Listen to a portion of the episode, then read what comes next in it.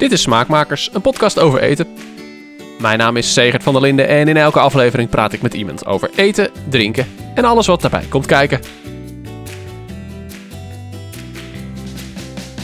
Daar is hij weer, de derde reis van Smaakmakers. Eh, de derde aflevering in deze serie in mijn culinaire reis rond de wereld. Die brengt ons zometeen naar de Joodse keuken. Het is niet echt één land, maar wel een ontzettende wereldreis heeft die keuken gemaakt. Daar ga ik zo meteen over praten. Eerst wil ik jou even bedanken. Uh, ik krijg namelijk ontzettend veel leuke reacties op deze serie. Via Instagram bijvoorbeeld, mensen die zeggen dat ze geïnspireerd zijn, dat ze het super interessant vinden. Super tof om te horen. Dank je wel daarvoor. Wil je ook reageren? Check dan even de show notes. Daar vind je alle benodigde linkjes. In deze aflevering is Esther Erteman mijn gast. Normaal gesproken runt zij een kookstudio Esther's Cookery ja, die is natuurlijk nu dicht. Maar wat wel heel mooi is, is dat haar eigen kookboek net uit is. Het kookboek heet Nosh, mijn vegetarische Joodse keuken. En de ondertitel zegt het al een beetje. Het is haar Joodse keuken. Daar gaan we het zo uitgebreid over hebben. Over, joh, wat is nou een Joodse keuken? Wat maakt een keuken Joods? Want het is ontzettend veelzijdig. Dat hoor je zo meteen. Eerst vraag ik Esther natuurlijk de vraag die ik iedereen stel. Joh, heb jij een mooie herinnering aan eten? Eten is, is alles. In, in het gezin waar ik vandaan kom, werd alles altijd gevierd met eten. Op, uh, op, op vrijdag was mijn moeder altijd aan het koken voor Shabbat, voor de zaterdag. Um, elke feestdag is, is, is eten. Um, dus ik kan me niet zozeer een, een, een gerecht of een recept herinneren, maar wel elke vrijdagavond at oma en oom Jacques aten bij ons. Elke vrijdagavond ging je naar school, uh, helpen tafeldekken, bla bla bla, douchen, mooi aankleden, niet in pyjama aan tafel. En aten we van het witte servies. En aten we eigenlijk altijd hetzelfde. Dat beschrijf ik ook in het boek. Zeg maar, we aten altijd hetzelfde. Um, en dat was... Um, dus dat zijn meer de herinneringen. Oom Jacques, die was zo oud. Die had nog de krantenkoppen van de Titanic gezien. Nou, wij hingen aan zijn lippen. En, en mijn oma kwam altijd. Gewoon, die was er altijd. En we hadden altijd vriendjes aan tafel. Mijn vader viel altijd in slaap.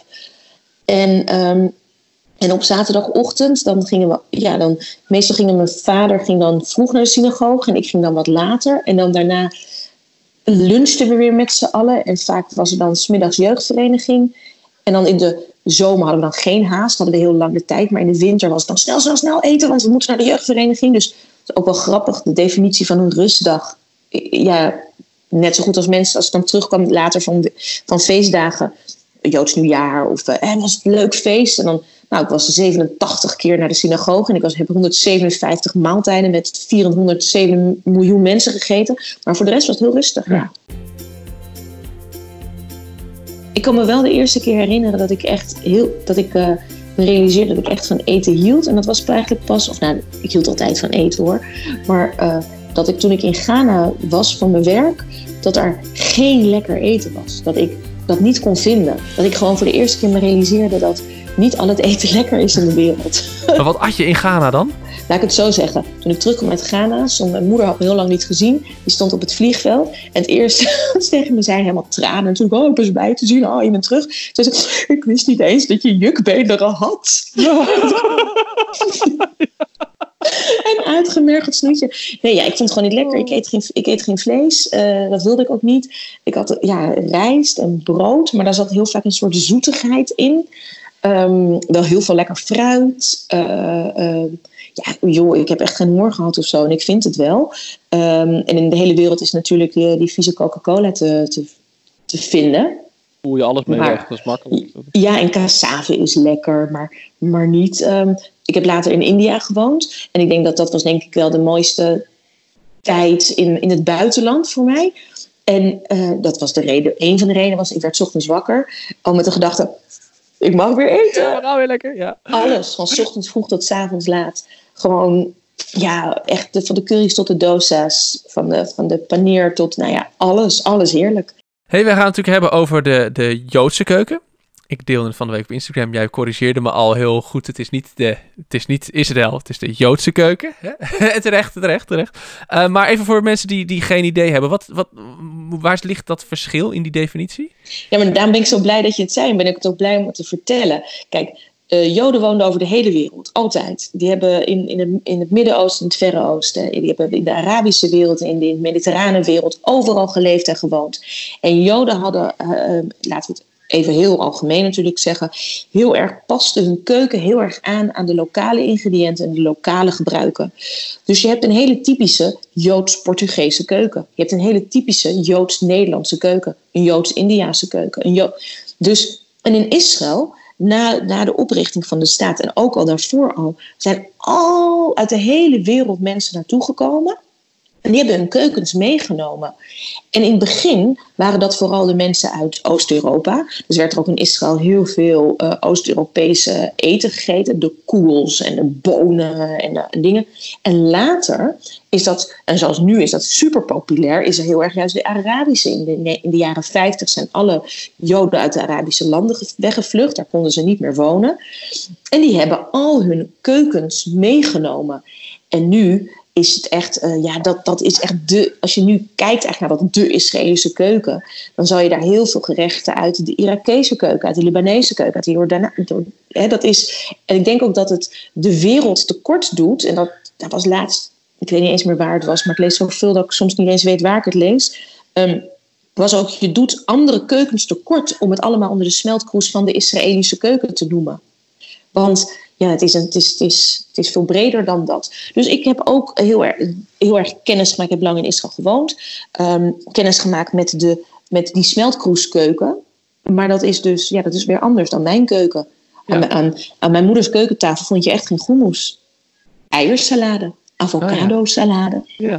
maar kun je dan wel, je kunt dan ook niet echt spreken van één Joodse keuken. Er is niet één overkoepelend iets dat het allemaal typeert. Ja, absoluut. Daarom is het ook mijn vegetarische Joodse keuken. Juist. Daar hebben we heel lang over nagedacht en over subtitels en hoe je dingen beschrijft. Is uh, uh, proeven is heel vaak een herinnering. En ik heb dat ook geprobeerd te beschrijven. Mensen vragen me altijd: um, maak jij je, je gerechten zus of zo? En dan probeer ik ook altijd heel erg te zeggen: als je verwacht dat mijn uh, koegels of mijn kaastaart smaakt zoals die van je oma, dan ga ik je altijd teleurstellen. Want dan zou je altijd zeggen: dat is een andere herinnering. Maar ik ben je oma niet. Mijn moeders, ik maak mijn, ik maak mijn moeders, ik noem het Shabbatkoekjes. Het zijn helemaal geen Shabbatkoekjes. Het zijn gewoon vanillekoekjes met chocola. Maar als ik ze maak, smaken ze anders dan mijn moeder. Maar dat komt omdat mijn moeder vroeger zo'n hele doos bakte op vrijdagmiddag. En dan, uh, ja, mijn moeder had daar een heel simpel systeem in. Ze bakte een, een cake en ze bakte een doos met koekjes. En als wij die opvraten op vrijdagmiddag, dan was de rest van de week niks. En als we ons daar een wat slimmere actie aan verbonden, hadden we de hele week iets lekkers mijn koekjes smaken anders. Ja. Want een andere herinnering. Toch zie je wel, er is natuurlijk wel één grote overeenkomst tussen al die keukens. Dat is dat het allemaal kosher moet zijn. Nee, je trekt een bedenkelijk gezicht. Is dat niet zo? Dat, nou, ik denk, een Joodse keuken, dat moet allemaal kosher zijn. Nee, dat is dus zo grappig. Hè? Je, hebt, je hebt inmiddels, kijk, mijn keuken is kosher, ik eet kosher. Dat is voor mij heel simpel. Dat is ook waarom er, we staan overal in het boek staan icoontjes. Of het uh, parve is, dus geen melk, geen vlees en geen uh, of het uh, melkkost is. Dus dat, nou, dat heeft allemaal met kosher manier. Maar het staat nergens bij, het is kosher. Want alle recepten zijn kosher met kosheren ingrediënten. Maar je hebt bijvoorbeeld heel veel Joden die heel traditioneel willen eten, maar helemaal niet kosher eten. Je hebt, um, daar weet ik zelf te weinig van, maar bijvoorbeeld ook gerecht in de New Yorkse keuken, dat is volgens mij de Reuben sandwich, die bestaat uit vlees en melk. Dus die is heel typisch, wordt die gezien als een typisch Joods gerecht. Maar dat is voor mij, zeg maar, is dat een, een no-go, want dat zou ik nooit eten. Jij eet sowieso geen vlees, maar in, in de meeste kosher combineer je melk en vlees niet met elkaar. Ja, dat is zeg maar echt wel een van de basis uh, uh, fundamenten van, van de kosher keuken. En het is... Um, maar, maar er zijn natuurlijk heel erg veel mensen die, uh, die, die niet kosher eten. Meer dan mensen die wel kosher eten. Er zijn heel veel mensen die hun gala op vrijdagmiddag die echt wel die dat mooi vinden en fijn vinden, maar die kopen dat dan bij, eh, bij de niet-koosjere bakker. Dat heb je allemaal. Je, je hebt zoveel, zoveel, zoveel mensen, zoveel smaakjes daarin. Ja, maar wat maakt een Joodse keuken, jouw Joodse keuken, de Joodse keuken van je moeder, van de buurvrouw, wat maakt een Joodse keuken nou dan een Joodse keuken? Nou, ik denk dat voor mij dat het de leidraad is echt die, uh, dat het door de, met de feestdagen. Er horen allemaal gerechten bij. Dat is mijn Joodse keuken. Maar mijn keuken, ik ben Joods, dus mijn keuken is altijd Joods. Dat zeg ik ook altijd heel vaak tegen mensen die, die nou, nu, nu niet meer zoveel, maar vroeger heb ik dat wel eens aan mensen uitgelegd. Ik, ik ben Joods, het is niet mijn hobby. Dus het is, uh, en ik heb me ook pas later gerealiseerd uh, hoe doordrenkt mijn leven ook is van mijn afkomst. En dat is, ik heb, uh, er staat is een, um, een inleiding over, um, er staat een stukje in dat heet Een meisje zoals jij. En, dat, en daar vertel ik ook over dat mensen me heel vaak, dat bedoelen mensen heel goed, maar zeg maar zo van, maar je ziet het helemaal niet zijn. Of je bent zo gewoon. Ja. Hoe doe je gewoon? Wat had je verwacht dan? Ja. Maar, dat mijn, maar ik, nu pas begrijp ik me, ja, voor mensen is het als je uh, ja, je zo bezighoudt met nog de tradities, dan verwachten ze toch iemand anders. Dan ja. verwachten ze toch niet dat je bepaalde dingen doet, of vindt, of wil, of kan. Of, uh... We hebben het al heel even kort een beetje over gehad, maar wat heeft jouw Joodse keuken dan gevormd? Mijn opvoeding, dat is nummer één. Dus, um, en als mensen me dan vragen, ja, maar heel veel mensen zijn natuurlijk weg bij, uh, die hebben afscheid genomen op latere leeftijd van, uh, van, van hun tradities. Dus mensen dan vragen, ja, maar waarom doe jij dat dan nog? Zeg ik altijd, nou, uh, thuis waren we heel traditioneel of religieus. Thuis was het leuk, dus ik associeer religie met leuk en gezellig en fijn en warm. Maar ik heb twee broers, die zullen daar ieder hun eigen interpretatie van hebben. Hoe het was of hoe religie is. Dus dat is mijn, um, dat, is, dat is de eerste. Dat kom gewoon uit een heel traditioneel huis.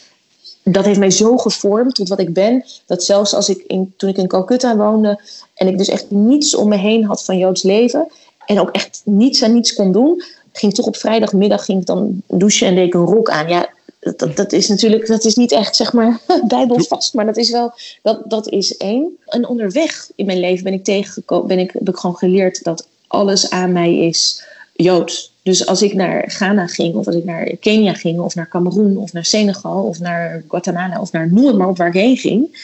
Ik was altijd op zoek naar, naar, naar wat voor tradities mensen hadden in. Hoe vier je daar je feestdagen, je verjaardag? Hoe verwen je mensen? En die, die gerechten nam ik dan weer mee terug. En wanneer kook, kook ik, of wanneer kookte ik nu altijd, maar voordat ik met de studio begon, uh, voor feestdagen. Dus dan stond er op onze, dan, dan vroeg mijn moeder me een salade te maken voor, voor een feestdag. En dan waren, waren, was dat met ingrediënten uit, weet ik veel, dat in Thailand geweest, had daar dingen van meegenomen.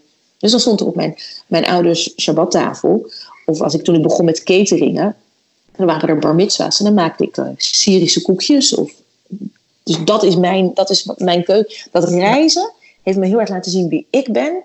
En wie ik ben laat ik zien door mijn keuken ik ben nu een beetje bezig met een soort serietje waarin ik wat een aantal wereldkeukens wil belichten. En een heel aantal van die keukens, uh, die staan ook wel bekend als redelijk traditioneel. We houden vast aan wat we hebben. Dat, dat is het dus in jouw geval helemaal niet. Juist niet. Er zit een heel groot aanpassingsvermogen in. Ja, dat, dat, dat ook wel. Maar ook wel dat zeg maar, je, uh, heel veel mensen denken ook dat je, alleen maar, dat je alleen maar groter kan groeien. Of dat je alleen maar jezelf kan ontwikkelen als je afscheid neemt van je afkomst. En mensen gaan op zoek naar zichzelf in een ander land, in een andere cultuur. En ik nam, heb mezelf altijd meegenomen naar die andere cultuur. Dus wat dat betreft ben ik niet zo'n heel goed camouflagedier. Want uh, ik ben meer een soort. Dat, ik had altijd zoiets, ik waar ik ook heen ga. Ik neem mezelf mee en mijn religie en mijn tradities en mijn wensen en mijn manieren. Dus uh, ja, ik, ik, ik werk hier en ik ben hier blij en ik vind het hier fijn. En ik kan, je, kan, uh, je kan Shabbat maken met een gala, maar je kan ook een zegening maken over een plat brood, over een naan, over een. een, een wat, wat het ook is. Ja, dus dat is uh, net niet een halfje volkoren. Het moet een heel volkoren dan Oh, sorry. Een heel brood. en heel volkoren dan. Heel volkoren. Um, is dat, dat, dat dat het meer is. Dat je ze, ja, ik denk dat mijn, mijn, mijn ouders hebben dat ook altijd gezegd. Wees gewoon jezelf. Dan ben je, dan, dan ben je de aller... Dan ben je, hoor je er altijd bij. Want dan hoor je bij jezelf. Wat hoop je dat mensen meenemen uit je boek? Een hele vrolijke, frisse, heerlijke smaak. Dat mensen denken, oh, dat is gezellig. Dat is lekker, dan ga ik eens proberen. Heel veel mensen denken natuurlijk ook Jodendom eh, of zwaar en moeilijk, of gek en ver weg, of Israël in conflict, of mensen hebben altijd een heleboel ideeën. Uh, of nou, dat, dat allemaal heel veel vlees. Oh, ja, en, en ik hoop, daarom hebben we ook heel erg voor de foto's gekozen. Heel erg dat warme en heel erg laten zien van... Het gaat over samen koken en samen eten. En uh, dat het ook heel simpel kan zijn. En dat je heel goed zonder vlees kan koken. Zonder vlees en zonder vleesvervangers. Zonder gewoon, op zich is het, um, uh, het is een, toen we ermee begonnen, toen zei ik, ja, maar ik wil helemaal niet dat erop staat dat het vegetarisch is. Want dat is voor mij een soort bijzaak. Maar dat is het natuurlijk niet. Want het is, wel, het is het wel. En het is heel, heel belangrijk dat het ook een vegetarisch kookboek is. Ja, en, en als je het hebt over de Joodse keuken en zo, dan denken mensen misschien ook weer aan gefilte vis of zo. Dan kom je toch weer bij vis uit en zo. En het is natuurlijk ook wel, dat is het dus in jouw geval juist weer niet. Nee, helemaal, helemaal niet. En ook, ook dat je niet. Um, ja, het is ook niet het, het, het, dat, dat het alles kan zijn. dat, je, dat zeg ik ook, probeer ook te zeggen, geef vooral je eigen draai, je eigen smaak aan. Lees het, leer het, uh, geniet ervan. En dan moet je gewoon weer zelf denken van, oké, nou, nu uh, doe ik het toch op mijn eigen manier. Maak je er jouw eigen Joodse keuken weer een beetje van? Ja, niet Joods in mijn geval, want ik ben niet Joods, maar mijn eigen. Ja, nee, maar dat is voor iedereen. En het is ook, ik moet ook zeggen dat bijvoorbeeld, er was een keer een jongen, toen had ik net was ik bezig met de kaastaarten voor de fotografie. En die, uh, die proefde van het beslag en die zei: Oh ja, dat smaakt naar mijn oma. En toen, toen zei ik van ja, maar dit is ook het, het kaastaart, niet naar mijn oma, maar de kaastaart van zijn ja, oma. Snap het, ja. Um, ik zag die grote ogen en ik dacht, hoe? Um, de mens, dit, dat mensen. Uh, ik, heb, uh, dat, dit, deze, ik heb drie soorten kaastaart in het boek. De ene is het kaastaart van Bea Polak. De ander is een, mijn eigen kaastaartrecept. En de andere is een vegan kaastaartrecept. Maar die van Bea Polak, dat is een heel oud uh, kookboekje. Als er één iemand in de wereld is die door mijn boek weer een oud recept in een nieuw jasje gaat hijsen en weer zegt: Oh, ik ga die tradities doorgeven. Ik ga weer die kaastaart maken met, met hangop en met vanille. Ja, dan ben ik heel blij. Dan gaan we gewoon. Er zijn natuurlijk ook heel veel tradities en ik, ik heb er niet heel veel woorden aan besteed, behalve in het verhaal dat me, over, over mijn moeder zijn er ook natuurlijk heel veel tradities verloren gegaan doordat er zoveel Joden zijn vermoord. Er zijn niet alleen maar mensen verdwenen, er zijn ook gewoonten en tradities en verhalen verdwenen, recepten verdwenen. Um, nou, en als ik daar er eentje voor één iemand een beetje kan terugbrengen, nou, dan uh, ben ik al blij. Maar twee mag ook, twee mensen. En drie ook trouwens. nou ja, dan kom je weer bij het volgende thema. Wat, wat je er ook al zegt. Uh, eten is, is, is in jouw geval ook mensen samenbrengen. Ja. ja, je kan het ook altijd hebben over eten. Dat was ook hartstikke leuk. Dat deed ik in mijn oude werk, deed het. Of als je met mensen uh, een moeilijk gesprek wil voeren. Of ik doe het nu ook in de kookstudio. Weet je, ik zeg altijd tegen mensen: het is makkelijker om een, om een gesprek te voeren met collega's aan de keukentafel dan in een uh, hotel zitje. Je spreekt heel makkelijk, je bent veel eerlijker. Ja. Dus dat is, uh, ja, en je spreekt dezelfde taal. Niet lekker, niet lekker. Ja. Ze worden ook heel uh, feisty, hè? ja, even ik niks. Moet je zo doen. In 2016 gaat Esther's grote droom in vervulling. Na jaren rondreizen over de hele wereld en culinaire ontdekkingen doen, opent zij na een succesvolle crowdfundingsactie haar eigen kookstudio in de Amsterdamse Pijp. Esther's Cookery. De kookstudio wordt een plek waar mensen nieuwe dingen leren eten, smaken ontdekken en waar bijzondere ontmoetingen plaatsvinden. Nou, toen ik in 2016 begon met uh, Esther's Cookery, toen, uh, dat was ook een tijd dat er heel veel jongens in de Havenstraat kwamen, Syrische vluchtelingen. En er was in Nederland, in Amsterdam was daar best wel wat, uh, wat, wat trammelant over. Toen waren er ook een heleboel mensen die dachten, wacht even, veel jongens, veel, er, wordt veel gekookt, um, let's go. Nou, ik heb dat ook gedaan. Ik ben toen rond gaan vragen en rond gaan bellen. En toen heb ik een heel aantal ontzettend mooie jonge mannen die daar zaten te wachten, echt tot de dag voorbij gingen. Die hebben bij me uh, uh, gewerkt. Het was ontzettend, ontzettend leuk. En een van de jongens die kwam uit Aleppo. En die, uh, toen gingen we uh, fatouche maken. En toen op een gegeven moment, ik, ik deed iets. En dat deed ik uiteraard helemaal verkeerd. En toen zei hij, oh, we moeten mijn moeder bellen. En toen, vanaf dat moment, dan als we dan dingen gingen maken. Want hij was echt, maakte het meest waanzinnige baklava en, en, en. En echt waanzinnig mooie recepten. Dan belde ze zijn moeder. En die stond dan te gillen, echt letterlijk te gillen tegen hem. Of wat hij moest doen. En hij vertaalde dat dan weer naar, ja, hij zijn Engels was helemaal niet zo goed. En, en mijn Arabisch is ook niet zo goed.